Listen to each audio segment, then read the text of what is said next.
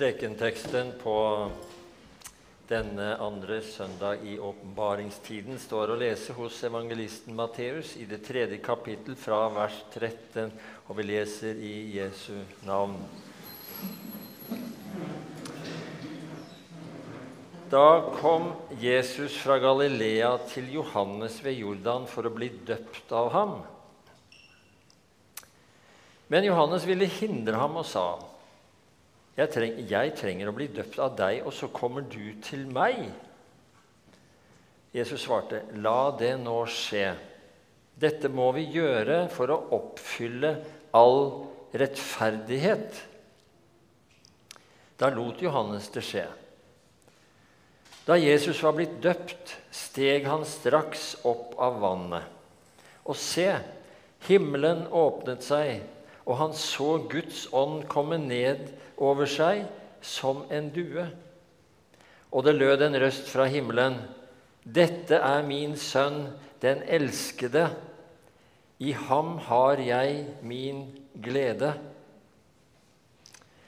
Kjære Herre Jesus, vi priser deg for at du kom, og at du er vår bror og vår frelser. At du gikk inn i våre kår som mennesker for å frelse oss og gi oss evig liv. Det er vår glede, Jesus. Det er vårt håp. Og det er det vi ønsker at du skal vise oss enda tydeligere i dag. Det ber vi at du gjør ved din gode Hellige Ånd. Amen.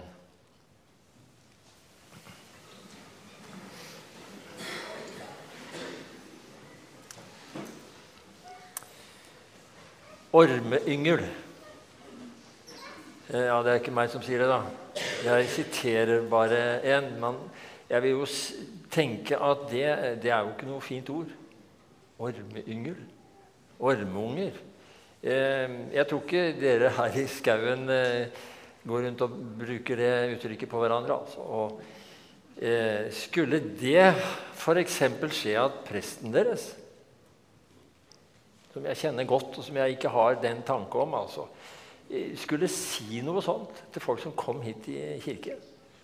Ikke minst hvis det for hadde vært et, et dåpsfølge, foreldre eller familie som kom for å døpe sitt barn, og så tar han det imot med en sånn hilsen. Ormyngel.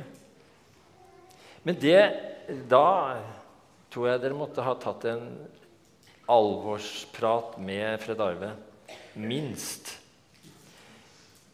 Men det var altså faktisk akkurat det som døperen Johannes sa rett før teksten som vi leste. Da fariseerne og sadukerene og andre kom til Johannes for å bli døpt av ham i Jordan. Ormeyngel, sa han. Eh, og så sa han videre.: Hvem har lært dere å eh, slippe unna den kommende vreden. Og deretter så døpte han de. De som kom. Hva mente han med det? Er det ikke det for så vidt det samme motivet vi har for, også for å komme og, og døpe og, og bli døpt? For å slippe unna Guds vrede å komme inn under Guds nåde. Det er jo det. Det kan vi tenke litt på. For nå kommer altså Jesus da til Jordan og til Johannes for å bli døpt. Får han den samme overhalingen som eh, fariseerne og sadukerene fikk? Nei, da sier Johannes tvert imot Se det Guds lam som bærer verdens synd. Det er den hilsen han får.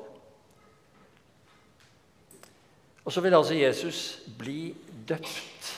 Og det skjønner jo ikke Johannes. Jeg trenger jo å bli døpt av deg, og så kommer du til meg, sier han. Det er ingen tvil om at den teksten vi har til denne søndagen om Jesu dåp, den skaper ganske mange spørsmål. Hvorfor trengte Jesus å døpes? Han var jo Guds sønn. Og, hva mente han når, han når han sa altså 'la det skje'? For dette må vi gjøre for å oppfylle all rettferdighet. Rettferdighet i den forbindelsen. Vi syns i hvert fall at vi vet litt om dette med, med, rettferdighet, hva som er rettferdig og ikke.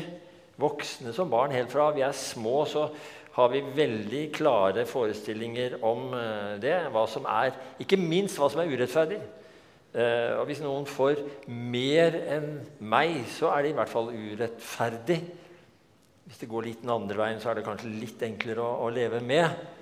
Men eh, vi er i urettferdighetens eh, rike. Og det er bra. Vi kjemper for rettferdighet og mot urett i alle former i, i menneskelivet, gjør vi ikke det? Kan skjønne vi gjør det. Og det snakker Paulus om i flere steder, bl.a. i 2. Korinterbrev, hvor han sier det er jo ikke meningen at andre skal få hjelp, og dere skal ha det trangt. Og så fortsetter han men det skal være likhet. Det er et veldig flott ord av Paulus. Og det er jo helt i, tråd med vår menneskelige måte å tenke om rettferdighet på. Og det er rett, det er riktig, og det er etter Guds gode vilje. Og denne typen rett og rettferdighet for fattige, for undertrykte osv. Den kjemper vi også for bl.a. i vårt misjonsarbeid. Det har misjonen alltid gjort. Sett på den siden av det menneskelige livet. Men er det den slags rettferdighet som Jesus snakker om her? Nei. Det Jesus snakker om her, er altså en helt annen form for rettferdighet. Nesten en motsatt form enn det vi tenker, kan du si. Vi hørte i, i leseteksten eh, fra Jesaja 42 om Herrens lidende tjener. Det er en av de sterkeste profetiene vi har om, i Det gamle testamentet om, om Messias. Og Der sier altså eh, Herren om denne sin lidende tjener, som altså er Jesus. Slik har Kirken alltid forstått disse, disse tekstene. Jeg har lagt min ånd på ham. Han skal føre retten ut til folkeslagene. Det hørte dere bli lest. Føre retten ut til folkeslagene. Og bare to vers etterpå Med troskap skal han føre retten ut. Eller rettferdigheten, om du vil. Og Da blir jo virkelig spørsmålet hva består så den rettferdigheten i, da, som åpenbart kommer fra Gud? Altså Guds rettferdighet, som da er noe annet enn menneskelig rettferdighet. Jo, det er den rettferdighet som Paulus snakker om flere steder, bl.a. i Romerne kapittel 3, der han sier dette er Guds rettferdighet, som gis ved troen på Jesus Kristus til alle som tror. Eller som det står i Kolossebrevets første kapittel For ved ham ville Gud forsone alt med seg selv, det som er på jorden, og det som er i himmelen, da han skapte fred ved hans blod på korset. Folkens, dette er krevende. Og samtidig er vi inne ved kristentroens innerste kjerne. Det som altså skjer der ved Jordan når Jesus blir døpt, det er altså at Guds rettferdighet, eller hans frelsesplan gjennom sin sønn Jesus, den blir satt ut i livet nettopp ved Jesu dåp. En rettferdighet som, som ikke er rimelig på noen måte. Den er høyst ufortjent. Noe Gud altså rekker oss som en gave. En gave til hver den som tror. Når altså Jesus som den syndfrie likevel går inn under, inn i, synderes dåp, da går han rett inn i Guds frelsesplan. Han gjør seg altså til ett med menneskeslekten, med oss syndere, for å gjenopprette forholdet til Gud som var blitt ødelagt. Paulus sier i 2. Korinterbrev han som ikke visste av synd, har han gjort til synd for oss underlig. For at vi i ham skulle få hva da? Guds rettferdighet, sier Paulus. Jeg husker første gang dette eh, gikk opp for meg, i den grad det kan gå opp for et menneske. Gikk opp for meg, fikk tak i en flik av forskjellen på vanlig rettferdighet og Guds rettferdighet, sånn som det snakkes om her. Da var jeg på Det var i soldatlaget eh, på Kjevik flystasjon. I det herrens år 1972, tror jeg det var. Plutselig, så ved den kloke feltprestens forklaring til oss Vi var på rekruttskolen underviste om dette, snakk om undervisning, så fikk jeg et lite begrep om for første gang hva Guds rettferdighet var. Det var en åpenbaring.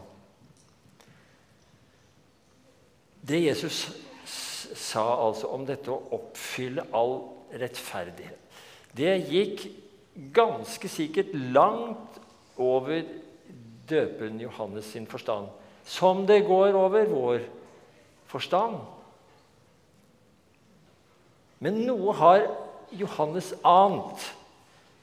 Litt av denne formidable rekkevidden av det som skjedde der, altså rett foran øynene på ham, har han nok grepet på en eller annen måte når han peker på Jesus og sier, 'Se der Guds lam som bærer verdens synd'.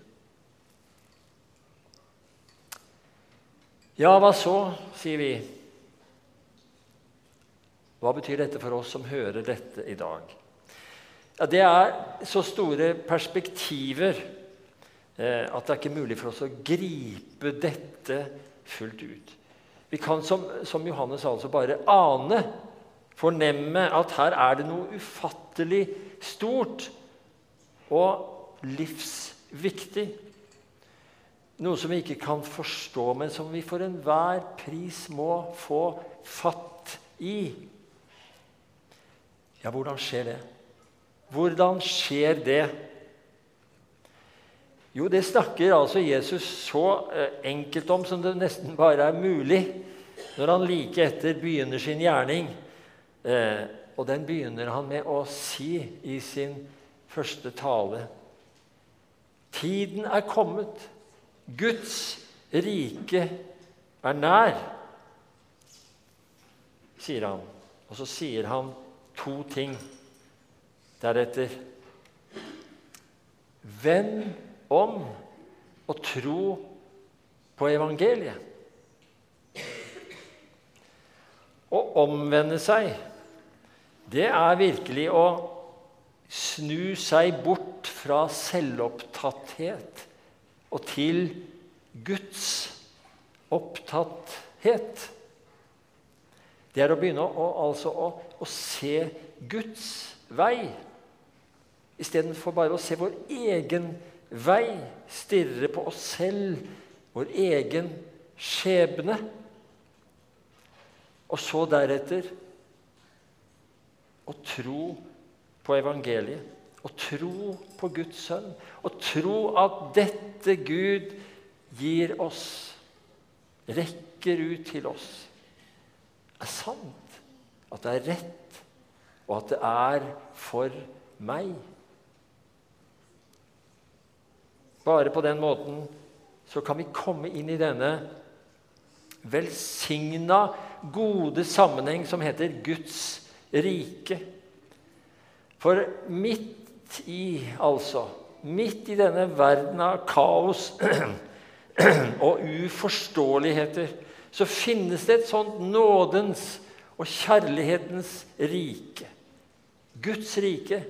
Og da sier jeg altså Gud være lovet at det fins. Og lykkelige oss at vi får være med der, høre til der og leve livet i dette riket. Til slutt Det kom altså en røst fra himmelen da Jesus steg opp av vannet. Dette er min sønn, den elskede.